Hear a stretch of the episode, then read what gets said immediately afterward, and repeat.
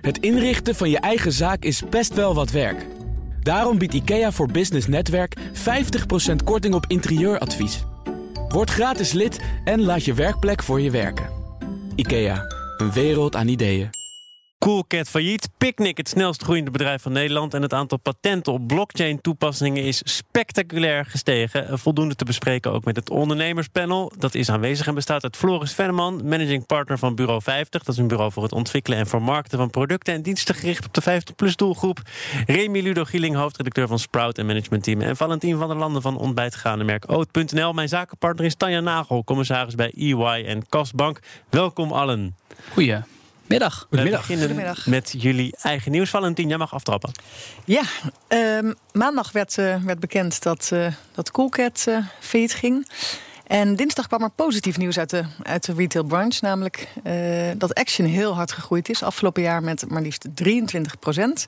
Uh, dat komt met name van uh, nieuwe winkels. Ze hebben 230 nieuwe winkels geopend. In Nederland eigenlijk maar heel weinig, een stuk of 11. Maar met name in Duitsland en Frankrijk hebben ze heel veel winkels geopend. En dat is positief nieuws, omdat het goed is dat een groot retailmerk nog verder groeit. Er zullen ook mensen zijn die zeggen: ja, is dat nou de verrijking voor de winkelstraat waar we op zitten te wachten? In welk kamp zit jij? Nou, wat ik met name opvallend vind, is dat je ziet eigenlijk dat de winkels in het middensegment het lastig hebben. Um, en dat als ze, um, um, als, als, ze kleur bekennen, dus als ze of voor het heel goedkope massa-segment gaan, of als ze uh, kwaliteitsaanbod uh, hebben, dat ze dan eigenlijk beter lijken te doen. Dat is eigenlijk waar de VND aan ten onder ging, toch? Ook te veel midden, te weinig profiel. Dus dan liever of een bedrijf aan de onderkant of helemaal in het premium segment. Ja, ja, precies. En wat ik, ik vind het zo om te zien dat zo'n Action het zo goed doet. Ik, ik hoor ook in mijn omgeving van heel veel mensen dat ze daar, dat ze daar winkelen. Um, oh, jij zelf niet? Nou, ik, ik, ik kom er niet zo heel vaak. Ik heb wel kleine kinderen. Dus ik ben er laatst. Uh, en toen viel het me ook op hoe ongelooflijk goedkoop het was voor, uh, voor, voor speelgoed. Uh, nou ja, zo goedkoop dat het andere speelgoedketens de das om doet. Ja. Ja, ja. Ja. ja. Dus eigenlijk is de opmars van de Action misschien slecht nieuws voor Intertoys. Ik noem maar wat. Ja, en voor de blokker, denk dat bleek. Ja, voor de blokker. Ja, dat zei Intertoys in ieder geval wel natuurlijk. dat, dat ze het met name in de decembermaand door Action heel lastig hadden gehad. Remy, wat is jouw nieuws? Ja, we hadden het natuurlijk net even over de files. En uh, ik heb, ben de afgelopen dagen aan het duimen dat er meer files op de ring A10 staan bij Amsterdam. Zou je je afvragen waarom? Nou, uh, waarom vertel. dan? ja, ja. Zoals je weet, uh, sinds januari ben ik ook na Sprout hoofdredacteur bij MT geworden. En we hebben de afgelopen drie maanden heel hard gewerkt aan een nieuwe brandingcampagne. Ah. Next Generation Leadership. je bent straks te horen, we zijn straks te horen op BNR, FD, Elsevier, NRC, whatever. Maar we hebben ook een groot bord langs de snelweg. Met jouw hoofd erop. Niet met mijn hoofd, maar wel met de, met de, met de payoff. The best is yet to come. Dus ik hoop de hele tijd dat er files staan. Dat iedereen alleen maar naar dat bord kan, kan turen. Maar als we 100 rijden, zien we het ook wel hoor. ik ben er in ieder geval een paar keer al even een beetje langs gereden. Tanja houdt het gaspedaal goed ingedrukt. Floris, jij wil ons kennis laten maken met... ja, je bent van bureau 50 of niet? Hoe kan het alweer dan zijn? De Grapreneur. Ja, nou ja, goed. Wat belangrijk is, uh, uh, afgelopen week... Uh, sorry Remy, ik wist niet dat je hier ook vandaag zou zijn. Maar op Sprout stond een heel leuk artikel over grapreneurs. de opkomst van de oudere ondernemers. Wat we zien gebeuren, natuurlijk onder ook de invloed van de demografische ontwikkelingen. Vergrijzing, steeds meer ouderen. Dit jaar al meer dan de helft van alle volwassen mensen 50 plus. Um, en dan zien we ook gebeuren dat steeds meer ouderen een eigen onderneming beginnen. En zo voor zichzelf beginnen. En, uit nood? Omdat ze ergens anders niet aan de bak nou, komen? Meerdere kant, zeker ook uit nood. Ik bedoel, we zien, dat is natuurlijk de, de, negatieve kant. Ook veel 45-plussers die toch wel last hebben van, nou ja, toch de problemen dat ze gediscrimineerd worden op de arbeidsmarkt. en dan dus maar voor zichzelf beginnen, maar zeker niet alleen. En de andere kant is ook echt wel dat er vanuit positiviteit dat mensen zien, ook een beetje vanuit de gig-economie, meer vanuit klusjes of korte opdrachten. nou ja, ook aan het zoek, op zoek zijn naar leuke uitdagingen waar ze nog waarde kunnen toevoegen vanuit hun kennis en hun ervaring. En ik vond het een mooie, de Grapepreneur. Dat het sluit ook, heel goed aan op het waar jij mee bezig bent natuurlijk. Het sluit fantastisch mooi ja. aan. Ja, zeker. Wat, wat kan die grapreneur wel, wat iemand anders die wat jonger is uh, nog niet kan? Of welk inzicht heeft die grapreneur? Nou ja, goed, wat we, wat we wel zien is, we hebben er toch even naar aanleiding van het artikel, dus even ook wat uh, in ons eigen Nationale 50PLUS panel even wat, wat gepolst. En wat je wel ziet gebeuren daar, op zich wel heel leuk, is dat ze zien van, hey, het is misschien een mooie manier om onze ervaring die we hebben. We zijn natuurlijk seniors, we hebben, draaien al een tijdje mee, we hebben een heleboel dingen al gezien, dus we hoeven niet meer vanuit dat, wat je bij misschien sommige jongere ondernemers wel ziet, met het, op de borst kloppen en zie mij eens fantastische dingen doen. Dat dit meer gaat over de inhoud. Ik heb wat toe te voegen aan deze wereld. Ik kan wat toevoegen aan, uh, aan verschillende uh, bedrijven in, of, of nou, organisaties. Nou, wat ik me ook kan voorstellen is uh, voor die grapepreneurs, of een, reden is eigenlijk voor die trend, is dat ze uh, uh, het financieel wat makkelijker hebben. Dus dat ze ehm, meer, meer rijkdom hebben en ook makkelijker een, ehm, een, bedrijf kunnen oprichten. En ook een groter netwerk hebben van waaruit ze kapitaal kunnen, kunnen aanspreken. Ja, dat zeker ook. En aan de andere kant, wat je ook ziet, is we, we mogen langer doorwerken. En dat het natuurlijk best wel lastig is om dat vaak in een bepaalde baan te doen. Dus dat dit ook een mogelijkheid biedt om makkelijker aan het werk te blijven. Ja, het stond in Sprout. Kun je er nog wat aan toevoegen, Remy? Ja, nou, heb ik niet gelezen.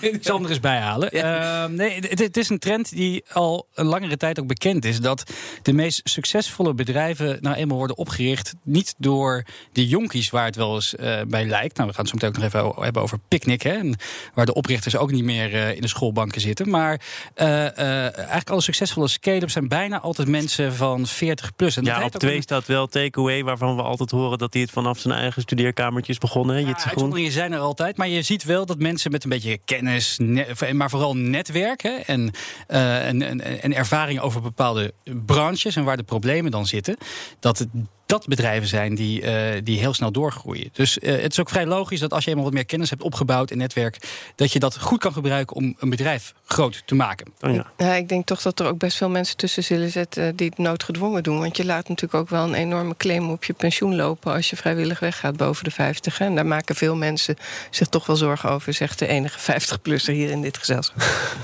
die zich daar gelukkig geen zorgen over hoeft te maken.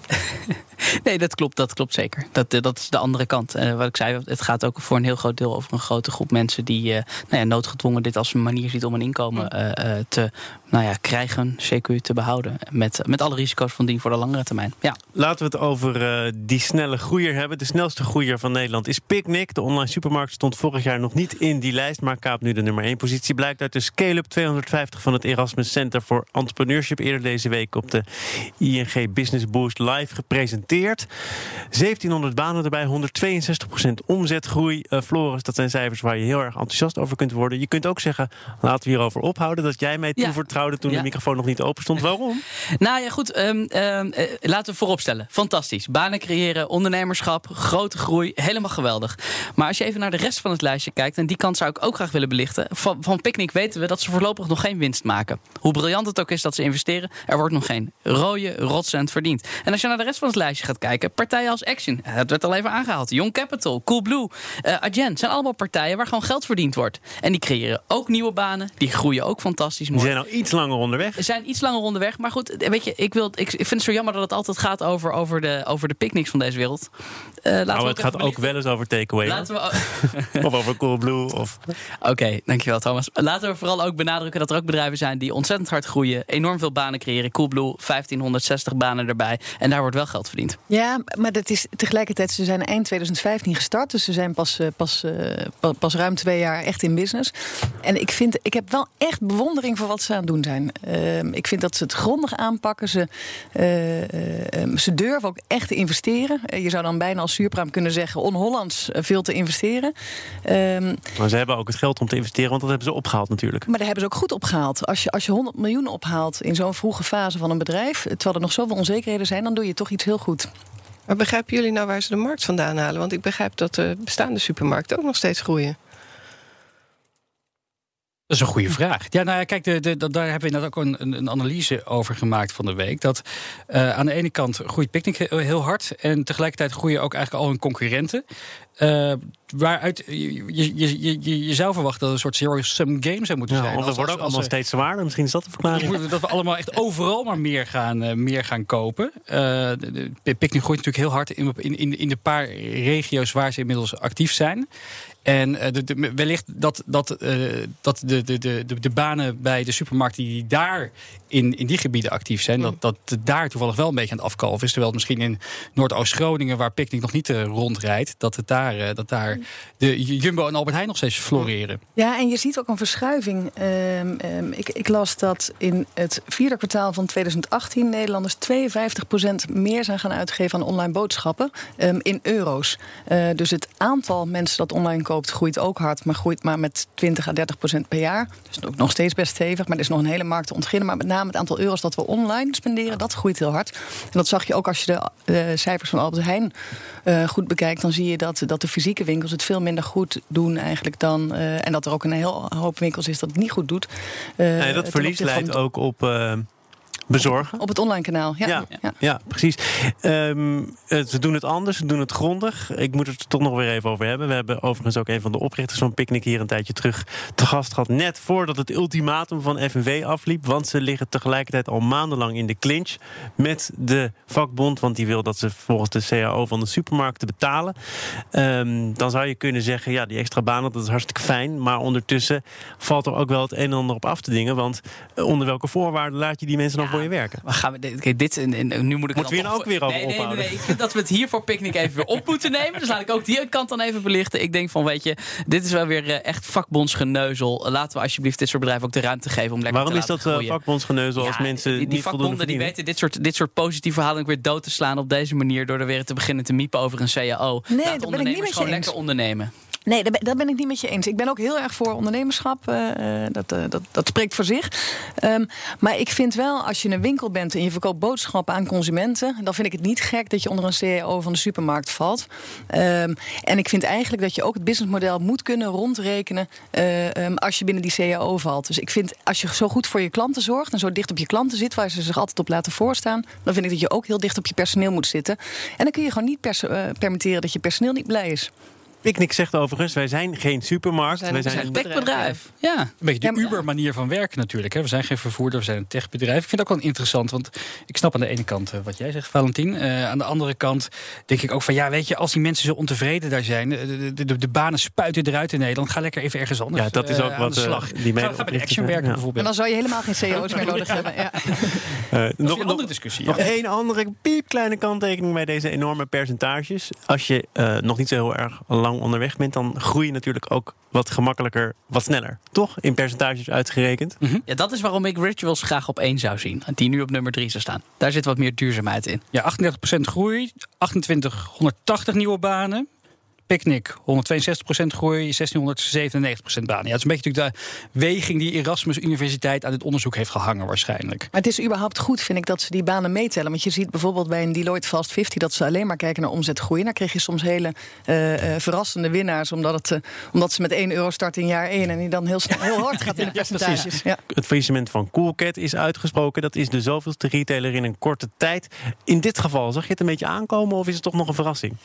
Nou, ik, het is misschien een beetje flauw om te zeggen, maar ik wist eerlijk gezegd niet dat ze echt nog bestonden. Ik kan me herinneren uit. Dat is wel een beetje de kern van het probleem. ja, misschien wel. Ja, Ja, en, daar zijn en ze fiets gegaan. Ja, het is, eh, in, in mijn jeugd ben ik daar wel eens geweest. Eh, het- maar het was daarna eerlijk gezegd niet een winkel die, die, zich natuurlijk, eh, die, die natuurlijk heel vooruitstrevend was qua collectie. Nee, maar goed, de- de- jouw jeugd, dat zegt het ook al. Het is ook natuurlijk een winkel voor de jeugd, toch? Jawel, eh, maar ik heb inmiddels ook kinderen en ik, Ah. ik, ik, ik, ken, ik ken ook jeugd. Ehm, ik, zie, ik, ik hoor er ook weinig over in het straatbeeld, terwijl ik dat over andere winkels eh, wel hoor. Dus je, je, ik H&M loop ik de deur ook niet plat, maar daar hoor ik wel over. Dat is natuurlijk niet een winkel alleen maar voor de jeugd. Maar America Today bijvoorbeeld is een winkel die zich richt op, eh, op de jeugd. Van dezelfde eigenaar, een kleiner zusje. Ehm, en doet het wel volgens mij veel beter qua profilering en qua collecties. Ik was ook echt verbaasd dat ze nog steeds 105 winkels hadden. En dat er bijna Ja. 1200 mensen 1200 werkten. mensen, ja. waar, zaten, waar zaten die allemaal, kan je je afvragen. Ja, dus ook voor jou niet echt een verrassing. Nee, nee, zeker niet. Zeker niet. Maar, maar eh, je, hoort het vaak. En het is natuurlijk van oprichter Roland Kaan. Die is nog steeds wel een grootheid als het op uh, Nederlandse ondernemerschap aankomt. Uh, we hebben niks meer van hem gehoord overigens sinds het, uh, sinds het faillissement is uitgesproken. Maar nou weet ik van dat ik hem volg op LinkedIn dat hij ook een groot Forum voor Democratie aanhanger is. Dus misschien is hij nog een, in een soort verkiezingseuphorie beland. En is hij vergeten dat het bij zijn eigen bedrijf wat minder er was, er was nog iets deze week. Oh ja, ja, ja. dat was het. Maar goed, dat is een beetje besides the point. Vond ik wel. Ja. nou ja, nou komen er dan verklaringen toch hè, van het ging niet zo goed. Het, het, ging daarna net iets beter. Maar wat heeft dan Coolcat de das omgedaan? Het weer. Het weer. En dat ja. hoor je overigens vaker bij uh, kledingketens, uh, winkels die te maken hebben met, uh, met mode die ze moeten verkopen. Ja. zegt dat dan toch echt wel iets? Ja, ik denk dat het in ieder geval eh, zegt dat je, weet je, je gaat niet kapot omdat er één winter een beetje te warm was. D dit is natuurlijk een probleem wat al jaren speelt en waar je volgens mij al jaren geleden op had moeten ingrijpen. Dat je als, misschien als merk wat meer zichtbaarder moet worden. Een duidelijkere profilering moet kiezen. Het is al teruggekomen. Billboard langs de A10. Kan je Sorry? Billboard langs de A10. Ja, aanraden. Zo makkelijk deze. Goed, maar, eh, nee, maar dus kies een duidelijke profileren. En ik denk dat ze ook daarin misschien gewoon eh, ja, toch eh, niet de juiste keuze hebben gemaakt. Het is te makkelijk volgens mij om te zeggen: ja, sorry, het was een. Ja, net eventjes. Het, dit heeft ons laatste zetje gegeven. Als dit het laatste zetje heeft gegeven, gaat er structureel al langere tijd iets mis, Ja. volgens mij. Ja. Nou, nou eh, was er wel sprake van een zeker profiel van Coolcat. Vorige minister van Ontwikkelingssamenwerking Buitenlandse Handel, Buitenlandse Handel Liliane Ploemen, die heeft Coolcat overigens ten onrechte ervan beticht eh, eh, van, van kinderen gebruik te maken bij het produceren van die kleding. Is dat dan toch ook nog iets waarvan je denkt, ja, de emmer zit al redelijk vol, hij loopt nu over?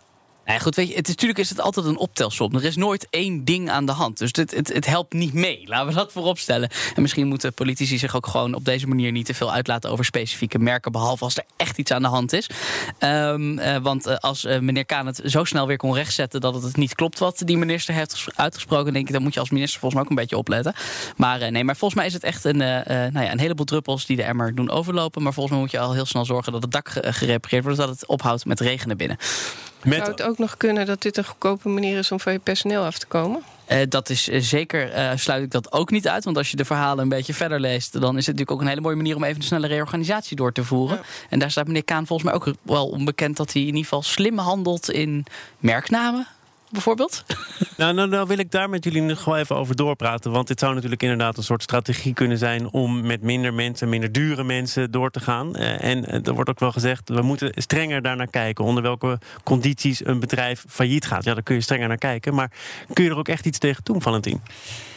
Ehm, het, het lijkt mij lastig. Eh, maar tegelijkertijd, je kunt tegen heel veel dingen wat doen. Een van de dingen waar je wat tegen kunt doen... is tegen het heel vroegtijdig, lang voor een faillissement... al afspraken maken en die ook formeel vastleggen. Dat gebeurt natuurlijk ook eh, dikwijls. Ja. De Intertoys werd er overigens ook van beticht... om, eh, om op die manier... En een ook daar is weer een doorstart natuurlijk. Precies, ja. Er is ook een, een geweldig onderzoek gedaan door onze vrienden van Follow the Money. Die hebben een heel dossier eh, het afgelopen jaar aangelegd over dat het Nederlandse faillissementsysteem gewoon echt vrij verrot is. Eh, en dat, dat, het, dat, er, dat een aantal partijen er altijd wat eh, slim gebruik van weten te maken. Ja, ik kan iedereen aanraden die artikelen eventjes Maar waar zitten de gaten en de kieren? Want flink verrot, dat zijn eh, stevige uitlatingen. Het is, het is echt een, een, een diepgaande artikelserie. En het zit enerzijds heel erg in het feit dat, dat eh, ehm, eh, curatoren die worden betaald uit de failliete boedel. Dus als het, als het, eh, ze gaan pas echt goed onderzoek doen als ze ook weten dat er nog wat te halen valt. Als dat niet het geval is eh, en, en iemand die, die, die heeft moedwillig bijvoorbeeld eh, de, de, de, de administratie nogal een rommeltje van gemaakt en het lijkt te veel tijd te gaan kosten, dan willen ze vaak die faillissementen er wat sneller doorheen duwen zonder echt de, de bovenste, de onderste steen boven water te krijgen. Dat is een van de, van de, van de vele Een soort perverse daarbij. prikkel in voor curatoren. Is het om, een, eh, ja, ja. dat is Ja, en er zitten natuurlijk ook nog weer belangen in van eh, de partij die dan failliet gaat. Want Intertoys, daarvan werd volgens mij duidelijk dat de eigenaar ook nog weer vooraan in de rij stond. Want die hadden de pandrechten van de voorraden van Intertoys. Dus die werden er ook financieel niet per se slechter van. Nee, nee, daarom. Dus het is, er zitten heel wat risico's aan in dit verhaal. Ja. Nou, en dat is natuurlijk opmerkelijk dat je. e- Eigenlijk vind ik dat gek dat je als, eh, als, als oude eigenaar ook vervolgens weer die boedel vanuit het failliss- faillissement kunt, kunt opkopen. Ja. Goed, dan naar iets wat niet zozeer het verleden is, als wel de toekomst. Namelijk het aantal patenten op blockchain is spectaculair gestegen. Blijkt uit gegevens van het Europees Patentenbureau. Dat is ook gek, hè? De ene keer wordt die technologie min of meer doodverklaard en afgeschreven. En we hebben er zoveel van verwacht, maar het komt maar niet. En nu blijkt dan toch dat het aantal patenten stevig toeneemt. Floris, wat zegt dat over deze markt? Ehm, ja, ik, ehm, ik moet Of overvraag ik je nu? Nou, nee, nee, ja, nee, ik heb er heel lang over. Kijk, blockchain het blijft voor mij dan een soort van mysterieus eh, verhaal. Eh, maar het feit blijft dat bij heel veel partijen natuurlijk wel dit een onderwerp van gesprek is. Wat kunnen we hiermee? En hier gewoon serieus over nagedacht Ja, wordt, omdat dus, het dat iets is nou juist precies wat je zegt, hè? Dat heel veel van die bedrijven denken, ja, we moeten hier iets mee. Jawel, maar Als goed, je maar dus, aanvraagt, ben je al wat verder. Ja, nee, maar goed. Maar dus is het denk ik mooi dat er op de achtergrond een heleboel bedrijven, blijkbaar in heel veel kamertjes, dat er heel druk nagedacht wordt over van hoe kunnen we met deze technologie ook naar de toekomst toe dingen gaan doen. Nou, ik, ik kan alleen maar roepen dat het een hele mooie ontwikkeling is. En ik ben hier alleen maar heel blij mee. Ik ben wel benieuwd hoeveel grey entrepreneurs zich in de blockchain aan het mengen zijn op dit moment. Misschien Vast je- een hele hoop, eh, je polsen in je 50-plus panel eh, van, eh, van de Grey Valley. Eh, ik vind het wel grappig. Hè? Inderdaad, eh, in het FD noemde een econoom noemde het de minst eh, nuttige technologie in de geschiedenis van de mensheid. Dan zou ik toch eerder aan Snapchat of zo denken. Maar voor, voor, vooruit, we geven, we geven het uh, uh, Nouriel mee. Um, en ik vind, het ook altijd, ik vind dat wel lastig. Want, want er wordt er soms heel groots over gedaan. Terwijl als ik het begrijp van mensen die er echt actief mee bezig zijn... dat het eigenlijk een, een, een, een, een wat een minder efficiënte manier van Excel delen is. Nee, het is een centraal boekhoudsysteem. Wat juist heel efficiënt database is eigenlijk. Ja. Maar, maar vaak heel langzaam. Dat, dat, daar, daar loopt het nog vaak een beetje op stuk. De, de, de, als, je, weet je, als, als we nu een bankoverschrijving willen doen, dat zijn eigenlijk ook twee databases die met elkaar communiceren. En dat kan binnen een seconde. En via de blockchain moet je daar 12 minuten heb je ervoor nodig om, om datzelfde, uh, diezelfde transactie er doorheen te krijgen. Dat is natuurlijk wel een kwestie van tijd. De eerste computer was ook heel groot. Dat en heel langzaam. Ja, ook, daar heb je ook weer gelijk in. Ja. China gaat hier ook mee aan de haal. Het aantal Chinese patenten is uh, gelijk aan het aantal patenten van de zes grootste Europese landen. China, intellectueel eigendom, lastige combinatie, Valentin? Of moeten we gewoon zeggen, nou ja, goed, als je kijkt naar de schaal van China, dan valt het allemaal nog heus mee? Nou, ik vind überhaupt eigenlijk als je naar de schaal kijkt van het aantal patenten. Uh, vind ik dat ook nog mee. Ja, want het, het, gaat om 2200 patentaanvragen in de afgelopen 10 jaar. Dus dat zijn er gemiddeld 220 per jaar. Uh, en er komen jaarlijks komen er 170.000 binnen bij dat Europese patentbureau. Dus um, uh, dat is. het is een soort picknick. Het lijkt wel heel veel, maar. dat zijn jouw woorden. ja. Dus het is, het is allemaal betrekkelijk. Ja. ja. Nou ja, en, en de vraag is: ja, die patenten, dat, dan bescherm je natuurlijk ook waar je mee bezig bent. Het was allemaal open source. Het komt innovatie over het algemeen ten goede. Ligt die fase dan ook achter ons? Gaat, wordt het nu toch steeds meer afgeschermd? We hebben het erover gehad gisteren ook in dit programma met uh, een blockchain-expert van Deloitte, Jacob Boersma. En die zei: ja, dat is een gevaar. Dat nu het echte grote innovatieve karakter gaat er vanaf. Maar waarom is dat een gevaar? Kijk, op een gegeven moment zie je toch bij een heleboel innovatieve technologie of nieuwe ontwikkelingen. dat het op een gegeven moment eerst is het allemaal. er zijn er allemaal experts mee bezig. en is het weliswaar allemaal out of the open. maar heeft het iets magisch. En nu begint het op de een of andere manier toch iets te worden. waar bedrijven denken: hé, hey, hier, we moeten hier iets Meer mee in processen. En dan gaat het ineens eh, de, de, het bedrijf in of de organisatie. En denk ja, nou, volgens mij is dat helemaal niet verkeerd. Nee, en zeker als je er gewoon heel veel geld tegenaan hebt geflikkerd. om er iets nieuws te ontwikkelen. dan is het op zich wel fijn als je op een gegeven moment het ook je investering ergens mee kan kan, eh, kan, kan beschermen. Um, het lijkt me wel lastig met software, omdat het natuurlijk allemaal uh, vaak closed systemen zijn. Is moeilijk om te kijken of, of je buurman nou uh, dezelfde code gebruikt in, aan de achterkant. Ik vond het wel grappig dus dat inderdaad APG was er volgens mij mee bezig. Pensioenfonds, die willen echt nu actief nieuwe, nieuwe klanten op de blockchain gaan zetten. En ze zeggen dus dat het systeem 10 euro per deelnemer gaat besparen. wat neer zou komen op anderhalf miljoen euro voor alle fondsen samen. Dat is natuurlijk wel interessant. Dat, dat, dat, dat, dat, je, dat je een proof of concept hebt die daadwerkelijk direct geld gaat opleveren. Dat heb ik nog niet veel eerder gehoord bij de blockchain. Ik denk dat menig grey entrepreneur hier... Uh... Hier met gespitste oren aan het luisteren is.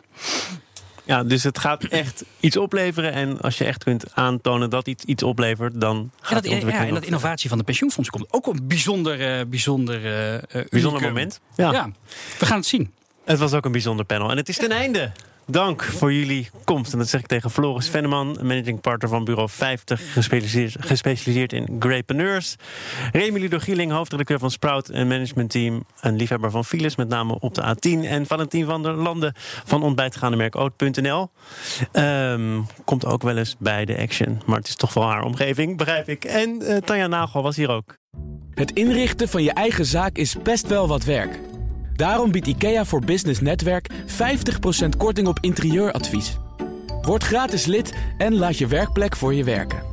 IKEA, een wereld aan ideeën.